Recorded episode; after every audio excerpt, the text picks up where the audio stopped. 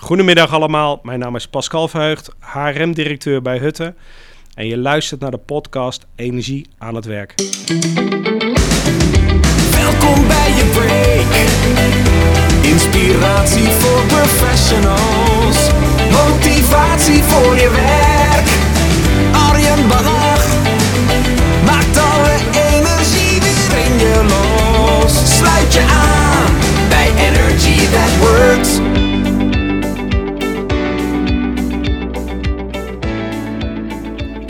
Ja, je bent er weer bij een nieuwe aflevering van de podcast Energie aan het werk. En ik vind het hartstikke gaaf dat je weer hebt ingetuned. En dit keer staat er ook weer een heel inspirerend interview voor je klaar. Echt een van de toppers wat mij betreft. Met Pascal Verheugd van Hutte Catering. En wat ik zo leuk vind als we kijken naar al die organisaties in Nederland en de trend die we zien van meer mensgericht werken, meer purpose-driven zaken doen, dan eh, zien we dat het eigenlijk in elke sector ook wel gebeurt. En zelfs in de catering-sector eh, is er dus een organisatie die daar echt in uitblinkt. En dat is dus Hutte Catering. Gevestigd in Brabant. En ik neem je graag heel even mee naar hoe ik daar aan kwam rijden. Ik had een afspraak met, met, met Pascal.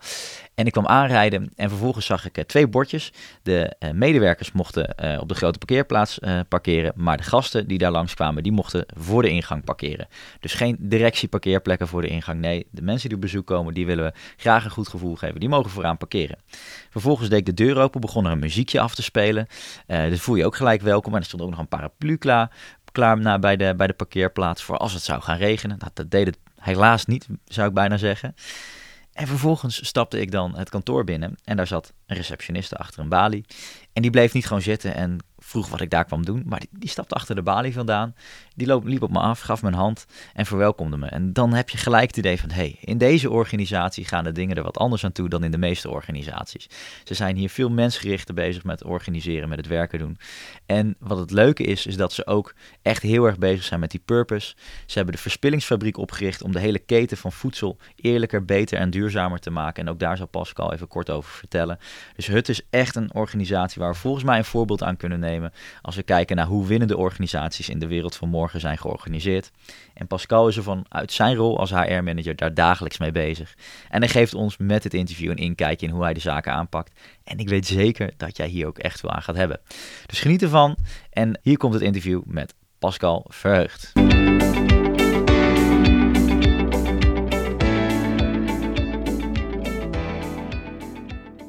Ik heb uh, net een heerlijke lunch achter de rug. Een van de beste ooit. Uh, en dat komt omdat ik bij Hutte ben. Hutte Catering en tegenover mij Pascal. Uh, eerste bekende vraag altijd voor de podcast is... waar ben jij het meest trots op tot dusver in je werk? Waar ik tot het meest trots op ben? Ja. Ik ben, ik ben het meest trots op, op het team wat we hier hebben. En op 1800 samenwerkers die het iedere dag doen met elkaar, zeg maar. Ja. ja. Samenwerkers, daar wil ik zo meteen al even op, uh, op inhaken, want dat is een interessante term. Even heel kort, Hutte, wat doen jullie? Uh, we zijn een bedrijf wat als missie heeft om maatschappelijke impact te maken. In de meest brede zin van het woord. en als ik er wat concreter maak, dan, dan geven wij 30.000 mensen iedere dag eten en drinken. en dan moet je maar zorgen dat het waardevol is wat ze naar binnen stoppen, om uiteindelijk wat vitaler daarvan te worden. Uh, we hebben een tak uh, wat zich bemoeit uh, rondom hospitality services, multiservices. we zitten in de zorgmarkt zitten wij volop. Ook vanuit die eten- en drinken component. Dat doen we ook onder andere voor de meest kwetsbaren. Dat doen we in een kinderkankerziekenhuis in, in Utrecht. Hm. Um, en dat doen we in, in gezamenlijkheid met professoren daar, wetenschappers, ons innovatiecentrum en, en onze mensen, zeg maar. Uh, en we zitten in de horeca en party catering tak. En daarnaast hebben we ook nog een verspillingsfabriek. Dus te veel om op, op, om uh, op te noemen, zeg maar. Ja, ja. want het, de meeste mensen zullen Hutte volgens mij wel een beetje kennen als, als de cateraar. Uh -huh. het, het, voor mij staat er ook nog Hutte Catering, toch? Dat, is, maar, dat, is, dat is helemaal maar, passé, oké. Okay. Nee. okay. maar misschien wel de meeste mensen. Maar jullie zeggen wel heel duidelijk, we hebben een bepaalde missie. En van daaruit gaan we kijken hoe kunnen we iets doen wat bijdraagt aan die missie. we, we verwonderen ons uh, op het feit dat, het, uh, um, dat er zoveel maatschappelijke thema's zijn die niet opgepakt worden en waar, ja. de, waar de wereld veel last van heeft. Uh, we verwonderen ons vanwege het feit dat wij eigenlijk helemaal niet meer weten wat wij door ons mond naar binnen stoppen en wat dat met ons doet.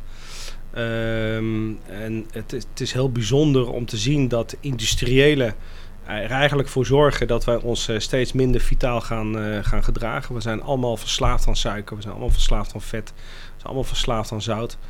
Eh, en wij zeggen terug naar de basis, je moet weten wat eten vandaan komt, je moet weten wat daarin gestopt is. En je moet eigenlijk ook programma's hebben om mensen in te laten zien wat dat met ze doet. En dat het leven eigenlijk veel aangenamer, leuker en gezonder kan. Ja. En dat doen we niet van de een op de andere dag, want die wereld is zo nog niet geprogrammeerd. En wij hebben ook absoluut nog niet de wijsheid in pacht. Maar dat is wel de missie die wij eh, heel diep van binnen hebben. Ja. Ja. Tof, want dat, dat, dat, dat, dat, dat dragen jullie ook uit. Hè? Dat, dat- dus jullie zeggen vaak het begint met geven. Eh, maar ik kan me voorstellen dat hè, een familiebedrijf eh, door de jaren heen hè, gewoon steeds een hut die aan het roer heeft gestaan. En dat dat niet eh, het, het beginpunt was met het begin met geven. In eerste instantie was het gewoon mensen blij maken met catering, met, met, met eh, een café, restaurant had ik gelezen. Ja, dat klopt. Hoe, hoe is deze missie op een gegeven moment ontstaan? Nee, dat, dat is wel vanaf dag één gegeven. Ja? Ik bedoel, je stapt in de horeca omdat je het mensen naar hun zin wil maken. En Ja. dat begint ook bij geven. Ja, En eh, de, in de familie Hutten zit ook wel in DNA dat men goed wil doen. Niet alleen voor mensen die op je feestje komen, maar ook voor de zwakkeren in de maatschappij. Dus zeg maar, de, zeg maar die maatschappelijke agenda, zeg maar, die is al 90 jaar eh, top of mind eh, binnen de familie Hutten. En eh, nu we wat meer geld verdienen en wat meer eh, slimme mensen hebben binnen de organisatie en een groter volume hebben, kunnen we daar grote impact maken. Ja. Ehm, maar als je het hebt over het fundament en de drijfveer van deze organisatie, dan zou ik bijna durven stellen dat dat in 90 jaar niet veranderd is. Nee. Nee. En, en nou zijn er heel veel organisaties in Nederland, wereldwijd, die eh, een bepaalde missie hebben, een bepaald doel nastreven. Alleen blijkt dat dat in de praktijk vaak weer barstig is, dat iedereen dat ook voelt, dat het zo wordt geleefd. Hoe zorgen jullie er ook echt voor dat die missie aansluit bij datgene wat jullie doen? Dat jullie het ook echt uitdragen? Do- Door niet te hard te roepen dat we een missie hebben, maar vooral heel veel dingen te doen. Dat we niet beginnen bij, eh, bij strategie of missie of eh, businessplannen of, of grote organisatiestructuren neer te zetten. Maar we beginnen echt met, met het doen. Hè? Dus als we zeggen, hey, dat verspillingsthema, dat, dat zou wel eens iets voor ons kunnen zijn. Ja. We hebben 280 koks, smaken is al 90 jaar ons vak. Eh, we zien heel veel reststromen die ons elke dag aangeboden worden. Volgens mij kunnen we daar hele goede soepen en sauzen van maken. Nou, dan, dan is, dat, is dat een kwestie van daar gewoon eens mee te beginnen. Ja. En van daaruit een organisatie op te bouwen. In plaats van dat je zegt, we kopen een duur pand. We zetten daar een grote marketing eh, tent zitten we neer. Eh, we richten de keuken in en we zien wel wat er daarna gebeurt. En dat is waar veel bedrijven de Bietenbrug op gaan. Dus wij, ons ondernemerschap begint eigenlijk van onderaf aan. In plaats van dat wij vanuit eh, grote, grote beelden of grote visies of grote structuren een, eh, een, een vehikel gaan ontwikkelen wat uiteindelijk niet in het praat komt. Ja. Ja. Dus het is gewoon klein beginnen op het moment dat er een idee is. Klein beginnen, Ja. eh, eh, eh, wel naar trends en ontwikkelingen kijken, daar mensen ook wel echt op, op verbinden, zeg maar. Die mensen mobiliseren, die mensen ook de vrijheid ge- geven en, en die faciliteren om hun spel maximaal te kunnen spelen. En van daaruit mooie dingen doen. Ja. En dan wordt het ook een steeds belangrijkere trend dat, dat professionals in hun werk ook dat zinvol een beetje ervaren. Dat ze het gevoel hebben dat ze impact maken met datgene wat ze doen dag in dag uit. Hoe zorgen jullie dat, dat, dat, dat deze mensen hier, de samenwerkers, dat ook daadwerkelijk hebben? Ja, we hebben de afgelopen zeven jaar heel veel kansen gekregen. Die hebben we voor een deel ook wel gepakt. In een, eh, in een, eh, in- een tijd van crisis hebben, eh, zijn wij eigenlijk in zes jaar tijd verdubbeld. Mhm. in omzet, in rendement, in volume. Dat betekent dat we de afgelopen jaren elk jaar rond de 12% eh, zijn gegroeid. En de grootste uitdaging waar we voor hebben gestaan is dat we die mensen die wij binnen onze organisatie krijgen ook incorporeren in de cultuur die we hebben. Ja. En dat ze de taal snappen, niet alleen in een kop, en dat, maar daar ook houding in kunnen nemen en dat ze dat in hun hart sluiten. Ja. En dat heeft eh, tijd nodig, dat heeft aandacht nodig en dat heeft ook een beetje liefde en lef nodig, zeg maar. Om daar, eh, om daar goed bij stil te staan met elkaar. Ik bedoel, het is niet zo moeilijk om, eh, om mensen van een andere cateraar over te nemen en zeggen van joh, ander schort, andere loonstrook, ander label erop. Misschien een kleine tatoeage zetten en doe maar weer je ding. Ja. Nee, wij, wij hebben echt heel veel, heel veel aandacht en tijd gegeven dat onboardingprogramma. Dat is belangrijk. En we hebben tegen elkaar gezegd, zelfs op directieniveau, als we er ongelukkiger van worden, als we weglopen van de cultuur, als we die waarde niet overeind kunnen krijgen, dan is ons groei en meer geld verdienen het niet waard. Nee. Mooi. Dat is voor mij heel mooi En dat is, dat is een, stoer, een stoer om dat er zo te stellen. Ja, ja. Ehm, maar als je dat ook in wat slechtere tijden overeind eh, krijgt, dan, dan is het ook echt een onderdeel van je zijn, zeg maar. Nou, zo zitten wij, zo zijn, zo zijn wij geprogrammeerd. En eh, in die zin, eh, nou, ik denk Ja. dat dat nooit zal veranderen. Nee. Wauw. Eh, maar dat blijkt ook weer heel erg moeilijk te zijn voor veel organisaties. Cultuur, dat is een beetje dat belangrijke gedachtegoed, de gedeelde mindset, gedragingen. Maar nieuwe mensen, ja, die moet je daar, ja, het onboardingsproject, jullie liet al even uh, vallen, die moet je daarin meekrijgen. Maar hoe zorg je, kan je wat voorbeeldjes geven hoe jullie dat nou zorgen dat je dat echt borgt? Um, dat begint bij taal. Hè? Dus uh, ja. wij hebben een, een, een, een, culturele kapstok, dat is BLG. Sommige mensen weten niet eens meer waar dat voor staat, maar gedragen zich wel als zodanig. Dan denk ik, nou, dan is die missie geslaagd. Ja. Dat staat voor de beste, de leukste en de gelukkigste. Ja. Vanaf dag één zijn we met mensen in contact over wat voor hun de beste werkomgeving maakt, wat voor hun de beste leidinggevende is, wat voor hun de beste locatie is, wat voor hun de beste faciliterende afdelingen zijn. Mhm. Dat is eigenlijk een vorm van deep democracy, hè? Ja, zoals ja. daar een mooi boek vanuit de corporate antropologie op geschreven is. Ook daar hebben mensen het woord van vol. En Maar toch zie je in de praktijk dat de top van de organisatie het vaak bedenkt voor die mensen die het moeten uitvoeren. Ja. En daar begint de mismatch en daar begint ook zeg maar het ja, het, zeg maar de waardering voor de mensen die, die, die eigenlijk veel slimmer zijn dan dat ik ooit zou kunnen bedenken. Hmm. Samen met een aantal andere directeuren binnen de organisatie. Ja. Dus wij bevragen als mensen bij ons binnenkomen wat voor hun belangrijk is. En doen er ook wat mee, want dat is wel cruciaal. Je kunt Ja. wel bevragen, vervolgens hoor je niks, dan kom je ook vaak tegen. En dat doen we ook structureel eh, één keer per jaar. Dus elke locatie, elke locatieverantwoordelijke eh, met zijn mensen. eh, gefaciliteerd door onder andere mijn eh, SNO, HR-afdeling. eh, faciliteren om een halve dag per jaar een de beste sessie te organiseren. En dat, dat is niks anders dan antwoorden met elkaar verzinnen op wat is voor jou nou de beste werkomgeving, wat is, zijn voor jou de beste faciliteiten, wat is voor jou de beste locatie, wat is voor jou de beste leidinggevende, et cetera, et cetera. En daar dan ook dus echt concrete opvolging aan geven. Dat, daar zit de crux dan. We hebben 200 locaties. Ja. Eh, op elke locatie doen we dat. Eh, dat rapporteren wij ook plenair in een, in een soort van activiteitenlijst die voor iedereen inzichtelijk is. Dus eh, je ziet gewoon een paar honderd eh, ontwikkelpunten, maar ook kansen. Hè. Je moet ook oppassen dat het niet een soort van institutionele zijkstraal is. Ja. Hè. Van, nou, dan eens even ze- zeggen waar we tegen zijn. Hè. Eh, maar dat daar ook echt over kansen wordt gesproken, die eh, soms door stafmensen of door directieleden opgepakt moeten worden, maar soms ook echt door, die, eh, door de organisatie zelf. Ja. En door dat gewoon plenair te doen en, en dat ook voor iedereen beschikbaar te stellen en dat transparant te maken. en niet alleen de thematieken, maar ook de owner en wanneer het klaar is. dan, dan, dat is ook een onderdeel van je cultuur. Dan creëer je daarmee ook een soort van gezamenlijkheid. Ja. En tackle je ook dat alle locaties niet allemaal opnieuw gaan uitvinden en bedenken, zeg maar. Mooi. En dat is over het beste, het leukste. Hoe wordt daar dan invulling aan gegeven?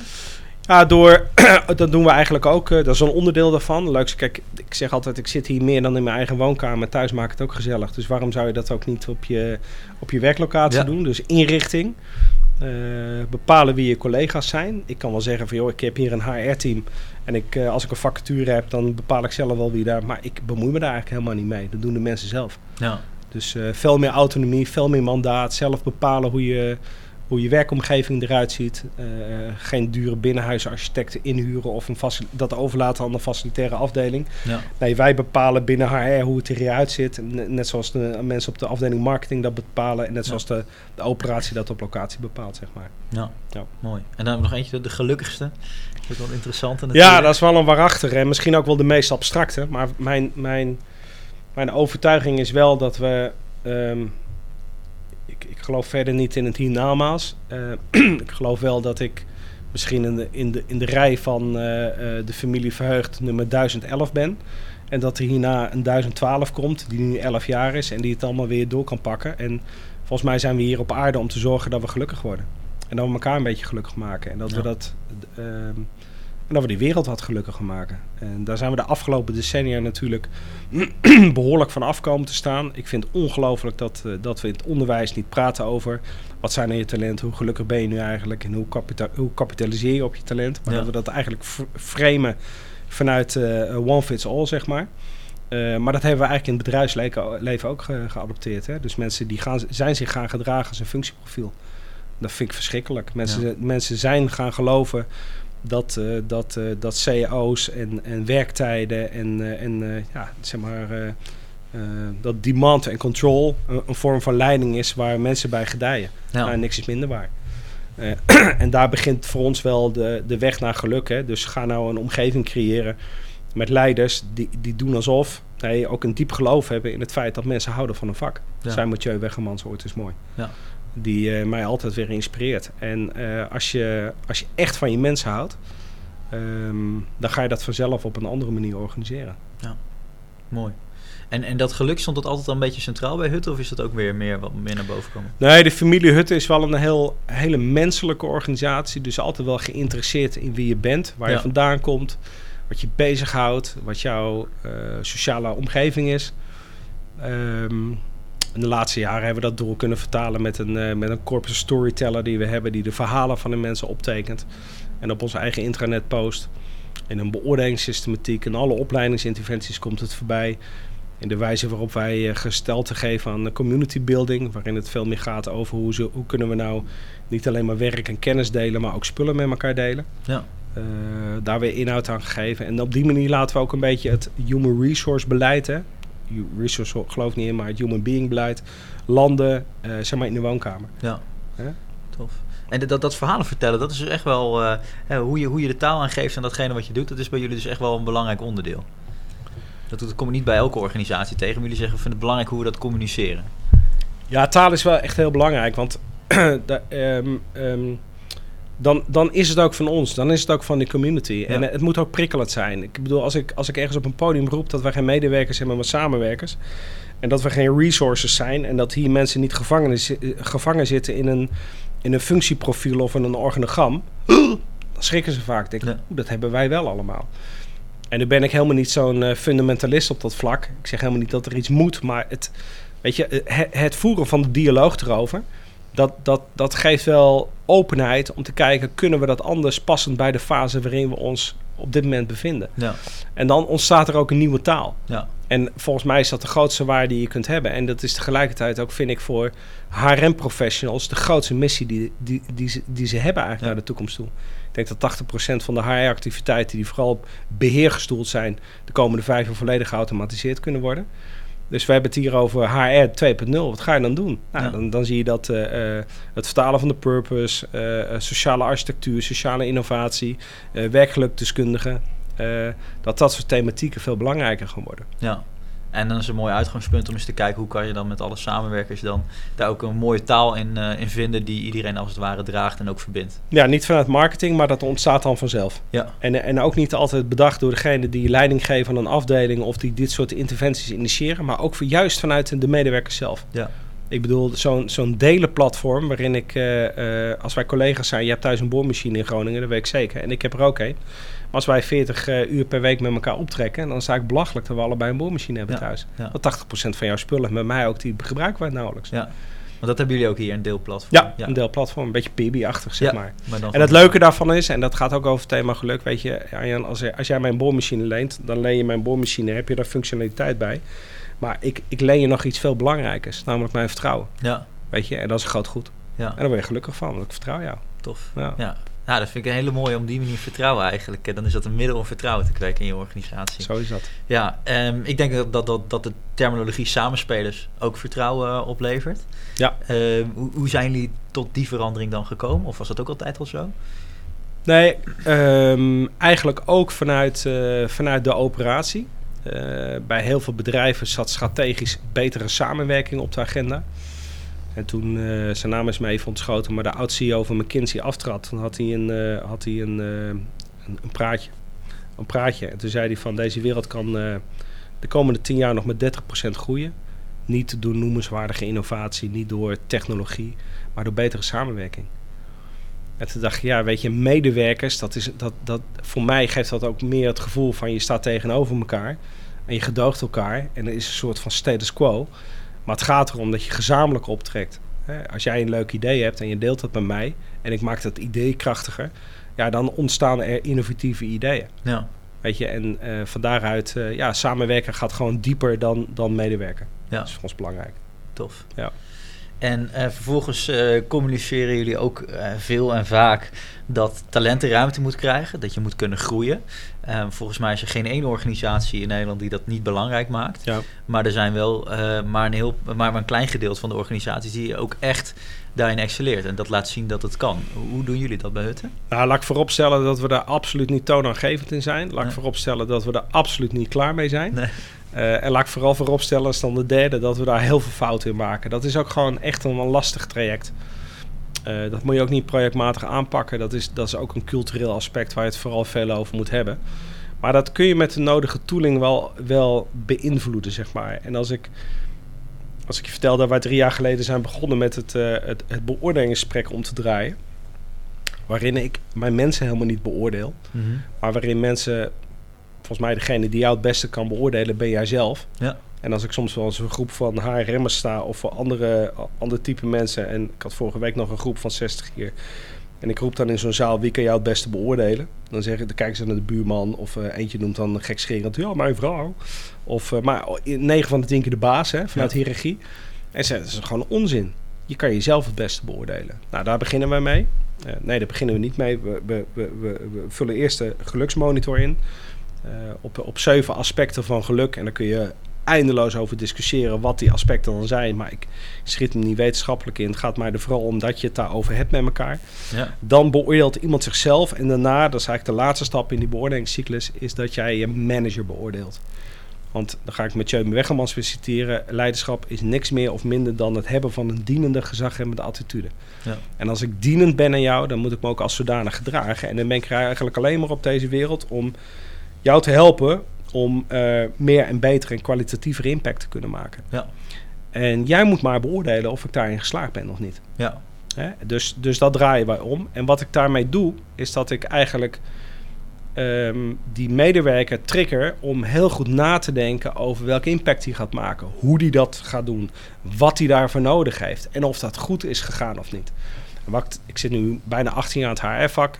eh, en als ik naar die oude manier van beoordelen kijk, dan, eh, dan zit die me- medewerker vaak achterover. En die zit dan twee keer per jaar, eigenlijk eh, weken van tevoren, enorm eh, er tegenop om zo'n beoordelingsgesprek te voeren. Omdat het niet over hem gaat, maar het gaat over de functie. Het gaat over de deadlines. Het gaat over het geld verdienen. Als hij nu oppast, moet hij ook nog op cursus. Ja. Terwijl het eigenlijk, je, moet, je wil meer een appel doen op wat heb ik hier nou te doen en wat heb ik daarvoor nodig.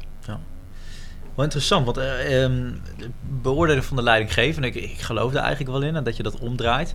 Omdat als je het hebt over het omdraaien van die hiërarchische piramide, dat een leidinggevende eigenlijk zich bezig moet houden met de vraag hoe kan eh, ik ervoor zorgen dat jij zo goed mogelijk je werk kan doen. Zo is het. Maar je hebt af en toe ook wat, wat destructieve samenwerkers. Misschien mensen die dan toch een beetje te veel naar de leidinggevende kijken en iets te veel misschien ook de spiegel voor zichzelf houden. Mag dat dan ook nog wel andersom bij jullie? Dat, dat, dat, dat, dat een leidinggevende ook zegt, hé, hey, maar ik verwacht wel dit en dit van je. En ehm, dat het daardoor niet een beetje te vrij wordt als je alleen maar de- vraagt aan de samenwerkers om de, om de leidinggevende te beoordelen. Nou, we beginnen eigenlijk altijd het jaar te zeggen van wat hebben we als afdeling of als, of, of, of als locatie en wat hebben we nou eigenlijk te doen. Ehm, nou, het is belangrijk om daar mensen deelgenoot van te maken. En pas dan komt de stap, ja, wat ga jij dan doen, wat ga ik dan doen en Ja. wat heb ik daarvoor nodig. Ehm, dus het is wel belangrijk om die gezamenlijke missie vooraf te laden. Te duiden van waar, waar, waar, waar, waar, waartoe zijn wij hier nu eigenlijk bij elkaar? Hè? Wat zijn de kwalitatieve en de andere KPI's die we eh, te leveren hebben? Ehm, en eh, als je dat op een goede manier doet, wat initieel even wat meer tijd kost, dan dat ik het bedenken tegen jou ga vertellen wat we gaan doen, hoe, hoe we het gaan doen, dan ontstaat ook veel meer ownership. Ja. Eh, en dan is het ook veel eenvoudiger om dat gesprek te voeren. Maar ik, ik zal niet ontkennen dat het, eh, nou in beginsel was dat regelmatig, en nu gelukkig steeds minder. Maar op, op sommige organisatiedelen komt het natuurlijk wel voor dat of een leidinggevende het hartstikke lastig vindt. Ja. Ik vind het ook niet makkelijk om, eh, om eh, kritiekpunten te krijgen. Zo twee keer Ja. per jaar voer ik ook zo'n gesprek. Dan Ja. hebben we het eerst over geluk. Niet alleen over het geluk van hun, maar ook over mijn geluk. Nou, dan krijg je hele mooie, en dan heb je gewoon een mooie ontmoeting. Ja. En als je dan over het werk gaat praten, gaat het allemaal veel soepeler. Maar als je hem dan afsluit met te zeggen van oké, ik heb ik ook van mijn zoon geleend. Je een spreekbeurt geeft, heb je ook meegemaakt, dan krijg je drie tips en drie tops. Ja, ja. Dus ik krijg drie complimenten, maar er zijn ook drie dingen waar ik aan moet werken. En, en die blijven altijd eh, vers in het geheugen zitten. toch? En dat zijn spannende dingen en die krijg ik dan toch wel even recht in de face. Kijk, en ik wil ook de beste zijn. En ik, ik, ik heb soms ook wel eens de arrogantie dat ik Jezus ben. Om, omdat je, dat je volgelingen hebt, zeg maar. maar het gaat erom dat je dat niet bent. Eh, eh, en dat je jezelf ook nog elke dag aan het ontwikkelen bent. En ik vind dat eigenlijk het grootste cadeau. Waarbij als ik tegenover iemand zit en die komt dan weer met zo'n ding waarvan ik denk, potverdorie, daar heeft hij wel gelijk in. Ik vind het zo moeilijk om daarin te ontwikkelen. Dan vind ik dat ook niet altijd even makkelijk. Nou, Maar ja, ontwikkelen en, en, en, eh, en beter worden en het trainen van je skills, dat is ook niet makkelijk. Dus het is wel heel belangrijk om dat, eh, om dat te doen. ja. Ja. En dan liet je even geleden de, de geluksmonitor vallen die jullie hebben. Ja. Eh, zelf ontwikkeld? Ja, met een, met een student van de Leiden Universiteit, faculteit Psychologie. Ja. Ehm, op zeven thematieken over leiderschap, auto- autonomie, eh, relaties en Ja. nog een aantal van vitaliteit, dat soort dingen. Ehm, en daar komt dan een, eh, een score uit. Een score is natuurlijk niet goed, hè, want een score geeft zoiets zelfs van het is goed of het is fout of het is gemiddeld. Het gaat mij ook niet dat erom dat we het vooral hebben over die dingen waar we wat lager scoren. Het gaat er vooral om in, eh, dat je een, een gesprek hebt van een half uur of drie kwartier. eh, waarin we elkaar gewoon ja, blootgeven. Ja. En je vertelt wat, wat je bezighoudt, zeg maar. Ja. ja. En, want, en dat- vind ik ook wel mooi. En de, de, de, de, de, component dat je van beide kanten is. Als je vertelt van hoe gelukkig ben je in je baan. Dus dat daar wat dat betreft niet zozeer een, een leidinggevende rol is en een, en een medewerkerrol. Maar Nee. gewoon twee gelijkgestemde mensen die Ja. praten over hoe zit ik hier in mijn werk. Menselijke maat, hè? Ja, Ja. ja gaaf. Leuk. Dus die eh, hebben jullie gewoon ontwikkeld en dat, dat heeft nu gewoon zijn ruimte gekregen. Daar is je ruimte Ja. gekregen. En waar ik dan altijd weer van droom is dat we ook dat soort dingen gewoon transparant voor everybody eh, maken. Dat iedereen kan zien van hey, hoe zit eh, Pietje of Jantje in, eh, bijvoorbeeld in zijn werk. Ja. Ja. En, en, en wat de tips en de tops zijn van mij als leider. Ja. Kijk, ik vind het cool. Kijk, wij hebben hier een community van eh, bijna 2000 samenwerkers. En van iedereen kan ik wat leren. Ja. En als mensen weten wat mijn valkuil of mijn Achilles heel is, dan kunnen ze mij daar ook in helpen. Daar heb ik nog niet de handen voor elkaar gekregen. Nee, nee, precies. Komt misschien nog wel. Misschien nog, ja. Ja. Hey, dan maken jullie ook ehm, de, de, de, switch naar, hè, we hebben een bepaalde missie, we willen maatschappelijke impact creëren, of onze, in ieder geval onze waarde toevoegen. En daarvoor is innovatie en groei gewoon wel belangrijk. Ja. Ehm, heel veel organisaties moeten eh, innoveren. Hoe, hoe doe je dat bij Hutten? Ja, ook daar is. Ehm, ik, ik, ik geloof heel erg, en dan citeer ik Ruud Veltenaar, dat, dat naar de toekomst toe verandering de enige constante is. En Ja. dat we met z'n allen angst en onzekerheid zullen moeten gaan omarmen als boeze- boezemvriend. Ja. Dat zeg ik nu even heel makkelijk vanuit de theorie, want dat is best wel lastig. Maar dat staat ons als mensheid wel te doen, volgens mij. Ja. Eh, er zal een wereld van chaos en wanorde gaan ontstaan. Eh lijkt wel een filosoof. Eh, en als ik dat vanuit historisch perspectief bekijk, zullen we heel snel moeten gaan veranderen. Ja. Eh, en als dat niet gebeurt, dan kan het ook zijn dat er, eh, dat er ernstige dingen gaan gebeuren. Dus oorlog, hè? Ik Ja. bedoel, je ziet al allerlei dreigingen en zo. Maar ik ben wel positief gestemd. Eh, ik, ik zie wel heel veel kansen. Ehm, ehm, ja, en innovatie is dan eigenlijk een vorm van zijn. En ook, ook bij Hutten, bij de familie Hutten, is creatie, eh, het altijd weer verrassen van de, van de gast Ja. is, zit wel in DNA. En als Bob tegen mij zegt, Pascal, luister eens even, maar je moet de komende tien jaar passen op deze winkel en zorgen dat eh, de loonstroken kloppen. En dat de contracten van iedereen klopt. En op het moment dat er iets fout gaat, dat we met boe- boeteclausules, geheimhoudingsverklaringen en weet ik veel, dat we er financieel zo goed mogelijk uit kunnen komen. Dan zeg ik, ja, dan ben ik niet je man. Nee. Hè? En dat, dat heeft hij wel goed gezien. Dat we aan de ene kant mensen hebben die wel kunnen zorgen dat, er, dat een winkel loopt. Nou, en op een gegeven moment heb je goede mensen op je afdeling. En dan moet je maken dat je wegkomt. Hè? Want voor je het weet loop je in de weg. Eh, en en wij, wij ontmoeten elkaar eigenlijk dagelijks. eh, eh, en inspireren elkaar vanuit een ontwikkelagenda. Ja. Deze is een ontwikkelagenda. Ja, elke afdeling heeft een ontwikkelagenda. En dat begint met een, een beeld van trends en ontwikkelingen. Eh, iedereen eh, vanaf, eh, laten we zeggen, leidinggevend niveau heeft een, heeft een inspiratieprofiel. Ja. Dus ik vind het gewoon belangrijk om het inzicht te hebben van... en te geven in elkaar hoe ik me laat inspireren. Ja. Nou, ik vind jou een hele inspirerende vent. Dus jij komt zeker op mijn lijst. Ik ga zo meteen je boek lezen. Ik ga nog eens een TEDx-filmpje van je bekijken. En daar leer ik waanzinnig veel van. Mhm. Ik geef veel lezingen en het belangrijkste wat ik eruit haal is dat ik plenair mijn eigen beleid kan evalueren. Want er zitten de eerste rij altijd mensen met de armen over elkaar, gefronste wenkbrauwen en zit een beetje nee te schudden zo. nou, vind ik heerlijk. Ja. Dat vind ik niet altijd even makkelijk, maar dat, daar word ik wel beter van. Ja. Ehm, eh, ik zit in de MVP, ben ik actief. Ik ben met een HR incubator ben ik actief. En dan kom ik allemaal mensen tegen die, waarvan ik onwijs veel kan leren. En Ja. ik ben in de gelukkige omstandigheid dat ik best wel gestudeerd heb. Maar op een gegeven moment dacht, nou weer een MBA-module van 8000 euro op Nijrode. Wat heb ik er nou eigenlijk aan? Ja. Hè? En toen dacht ik, weet je, ik ga mijn vrije tijd over het algemeen. Wat meer inzetten in andere clubjes waarin ik mensen kan ontmoeten. Die het op een andere manier doen, die een andere visie hebben. Waar ik het misschien helemaal niet mee eens ben. Waar ik mee in debat kan of in dialoog. En daar leer ik veel meer van dan een mastermodule bij, eh, bij Erasmus of Nijrode. Ja. Mooi. En wa- wa- wat me wel inspireert is dat je zegt dat iedereen een inspiratieprofiel moet maken en ook een ontwikkelagenda. Want dat lijkt dan misschien voor jullie normaal. Maar ik zie bij heel veel organisaties zie ik niet van hey, ga daar nou eens over nadenken. Niet alleen op de winkel passen, maar durf eens eventjes te kijken om je heen. Welke trends zie je gebeuren in je sector? Ja. En, en, en wat ga je er dan vervolgens mee doen? Maar dat Ja. is bij jullie dus gewoon een, een, een heel normaal gegeven. Ja, ben je daar al heel tevreden? Kijk, 100% dekkend is dat er niet. Ik zie dat steeds meer gebeuren, gelukkig. En waar ik dan altijd van droom, en, en Bob Hutter voorop, is dat wij in staat zijn om elk jaar voor 1800 samenwerkers een geluksschilderij te maken. Want we schrijven het vaak op, hè? dus ik heb wel mijn rijtje met, eh, met interessante mensen. Ik heb mijn rij- rijtje met interessante podia. Ik heb mijn zes clubjes waar ik lid van ben en elke, elke maand tijd aan besteed. Ik heb een stapel boeken zometeen voor de vakantie. Weet ik nu al dat mijn vrouw zegt, je bent hartstikke gek. Maar dat vind ik gewoon leuk, hè? Net zoals jij. Ja, eh, Eh, en, ehm, maar waar, waar, waar ik heel erg in geloof, is dat mensen dat vooral ehm, veel meer toevertrouwen aan een blad papier. En dan niet met letters en cijfers, maar met, met kleur en met tekeningen. En met, want zo werkt ons brein. Ja. We zijn visueel ingesteld. Eh, en dat is nog wel een, een, een hele diepe droom, een diepe ambitie om dat vanaf volgend jaar te gaan doen. Om elk jaar een samenwerker te faciliteren om zijn droom of geluksschilderij te maken.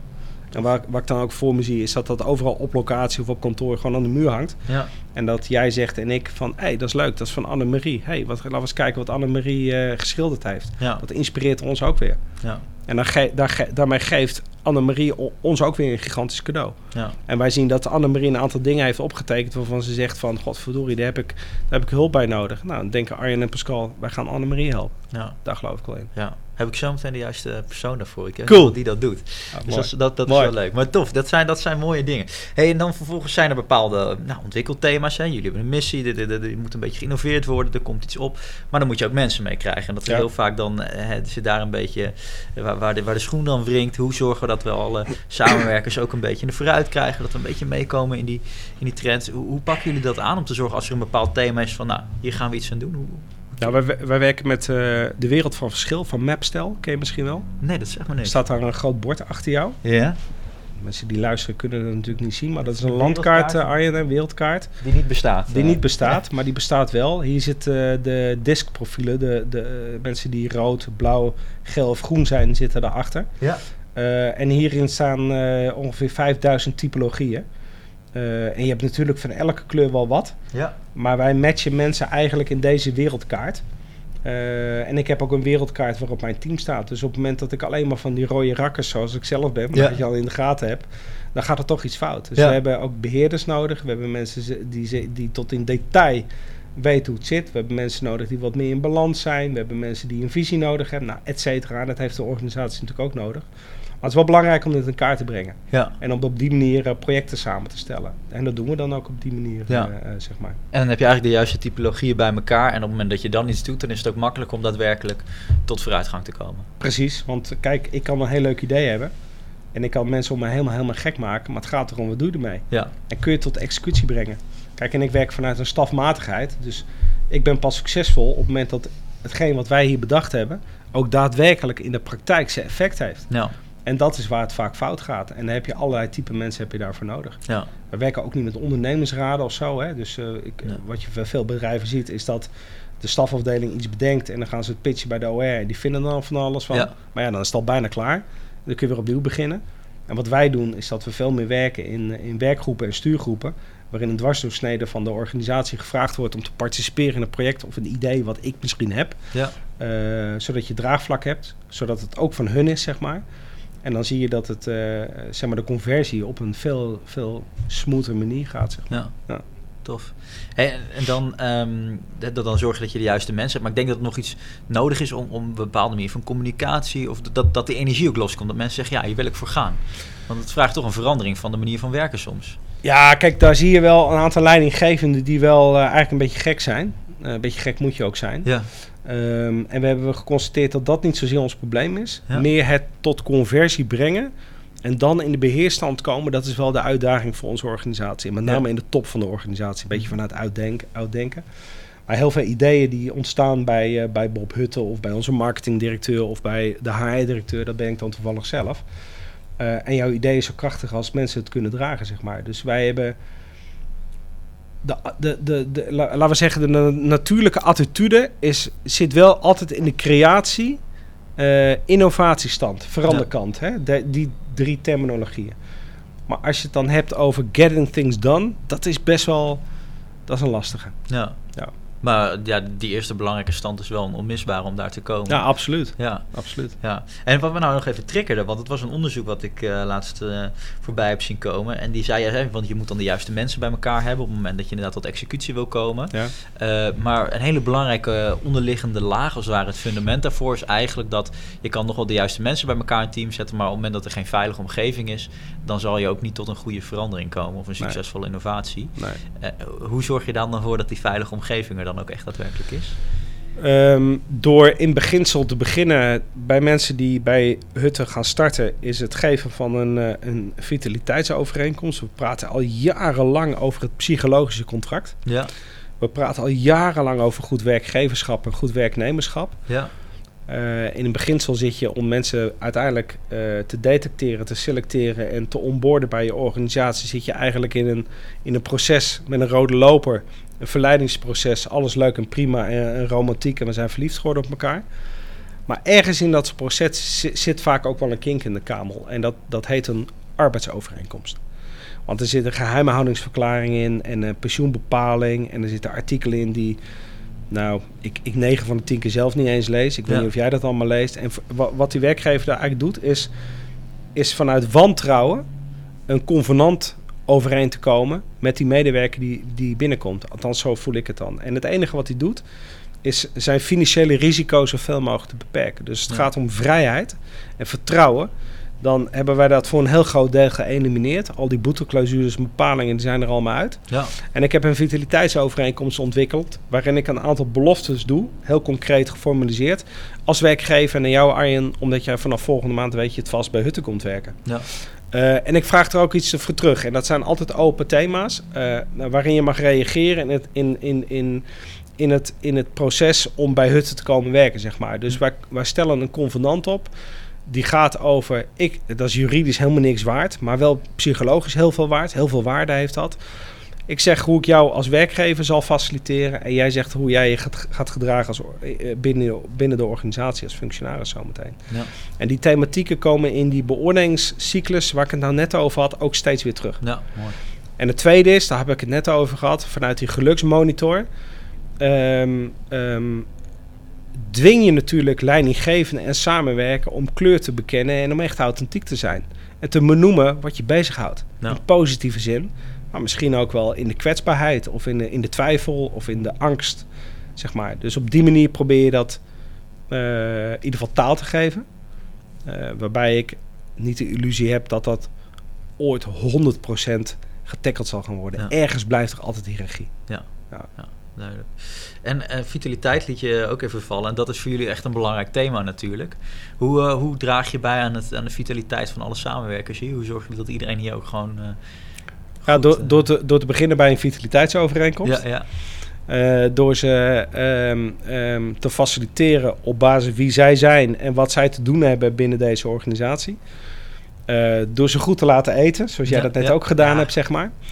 En door ook zo langzaam maar zeker wat beter te monitoren wat, wa- wat voeding met hun doet en bewegen met hun doet. Hm. Dus vanuit de glucosemetingen, vanuit de BMI-metingen, vanuit een food challenge waarin je eigenlijk met een keurige app geadviseerd wordt om bepaalde, op bepaalde momenten bepaalde dingen te eten of, of juist niet te eten. Mhm. Wat uiteindelijk ook lekker is en voldoende, waar, waarin de race helemaal niet is om 10 kilo af te vallen. Maar vooral, en dat zou jou aanspreken, om tot meer een hoger energieniveau te komen. Ja, En dat meten wij ook. En dat houden wij, eh, dat, dat monitoren wij eh, twee weken of, of, of een maand.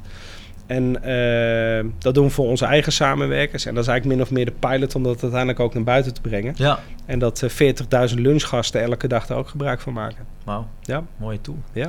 Ja, tof. Dat, eh, dat is misschien ook iets voor, eh, voor de zorgclub waar ik... eh, Oké, nou, daar- wil komen nog wat te praten Daar wil ik meer over weten. Ja.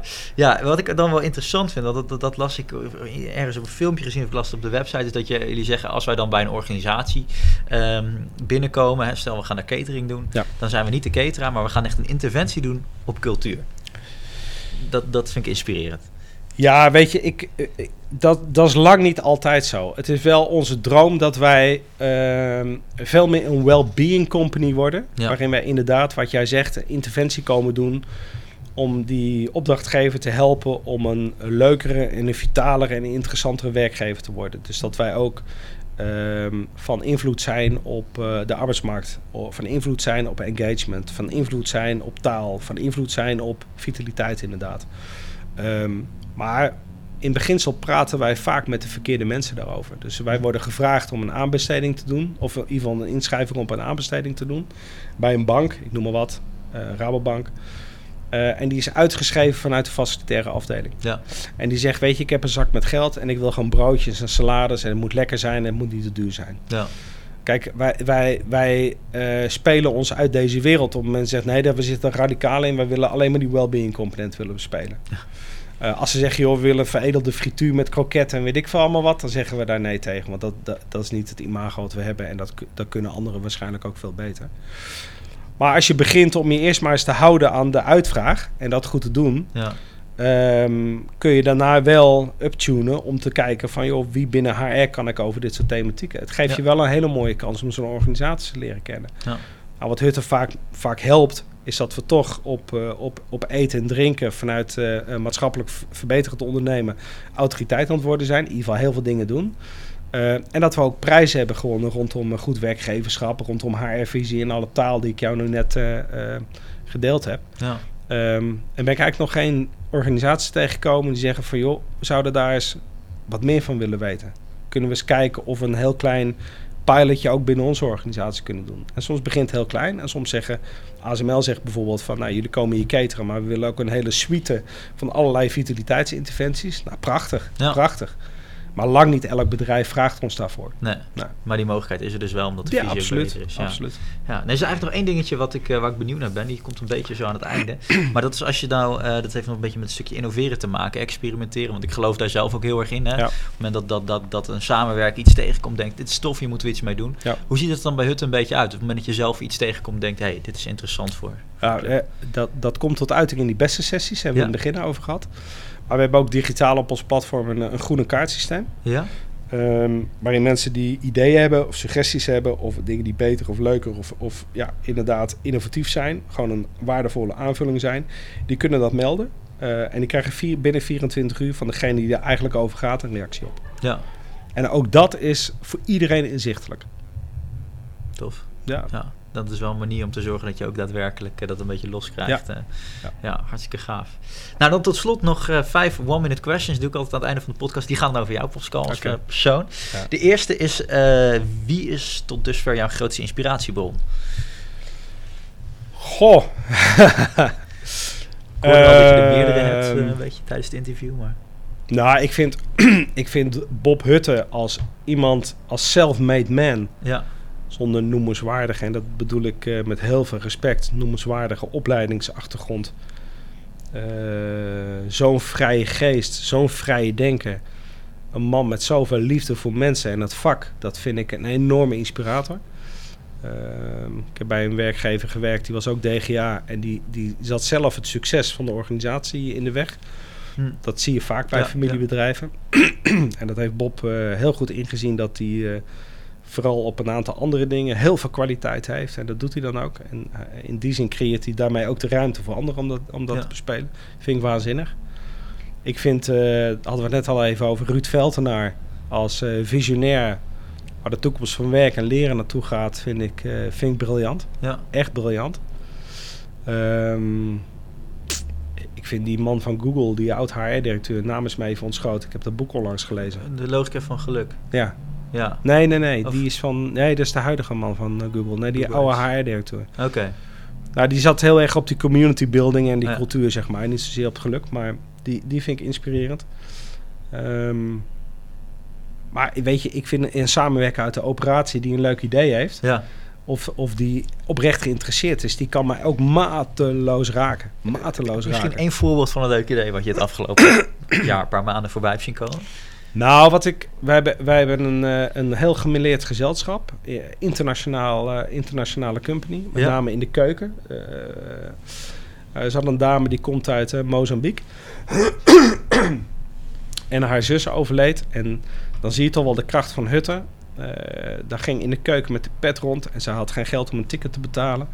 En binnen een uur was het geld verzameld. Maar En eh, iemand op de afdeling had een ticket geboekt. En eh, die, weet je, volgens mij zat ze 24 uur later in het vliegtuig naar Mo- Mozambique. En dat vind ik wel, ja, dat vind ik wel de weg naar ultiem geluk. ja, Dat vind ik fantastisch. En dan, Ja. kijk, als er iets is, dan moet je er ook echt voor elkaar zijn. ja. En dat vind zegt wat over cultuur. Ja, zeker. tof. Welk boek moet iedereen gelezen hebben? Zometeen jouw boek. Ja, heel Als die klaar is. Ja, Als die ja, klaar is, ja. ja. Eh, welk boek moet iedereen gelezen hebben? Ik heb jou net een boek gegeven over human Ja. being management. Ehm, maar ik vind, ik vind voordat mensen vooral een boek moeten gaan lezen, dat ze, waar we het net ook over hadden, dat ze voor zichzelf goed gaan, het liefst niet opschrijven, maar gaan schilderen. Wat hun te doen staat op, de, de weer, op deze wereld, zeg maar. In Ja. de tijd die hun gegeven is. Eh, en dat ze daar vooral ook met anderen over gaan praten. Want ik, ik, ik merk, ik zit nu behoorlijke tijd in het HR-vak, bij verschillende bedrijven ook, dat er vaak een mismatch is tussen talent en functie. Ja. Ehm, en dat vind ik een voorwaarde om van daaruit gericht een, een, boek te, een boek te gaan lezen. ja, tof. Ik ben altijd in meerdere boeken tegelijk bezig. Dus ik ben eh, over, ik- over een boek over blockchain ben ik bezig. Ik heb dat boek over human being management net, net uit. Ik vind dat boek van die HR-directeur van Google vind ik een, eh, een fantastisch boek.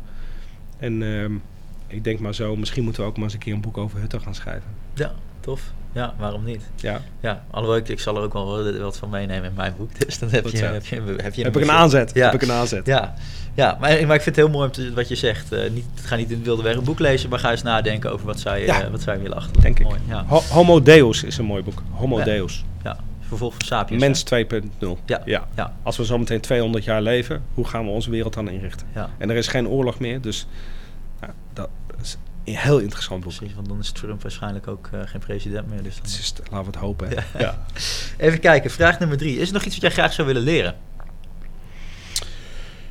Eh, ik zou, ja,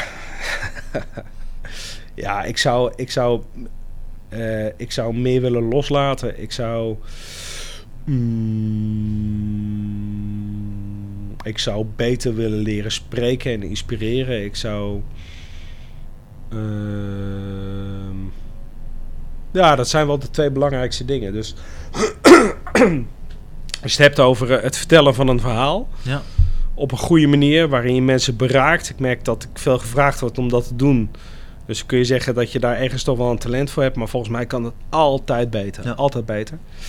Ehm, en, en loslaten. Ik, eh, dat, dat, daar kan ik nog wel leren. ja. Ja. mooi. Ja. En wat zou ik volgens jou met een vrije dag moeten doen? Genieten met de mensen waarvan je houdt. Mooi, Ja, belangrijk. Ja. denk ik zo, ja. ja. Oké, en dan de allerlaatste vraag.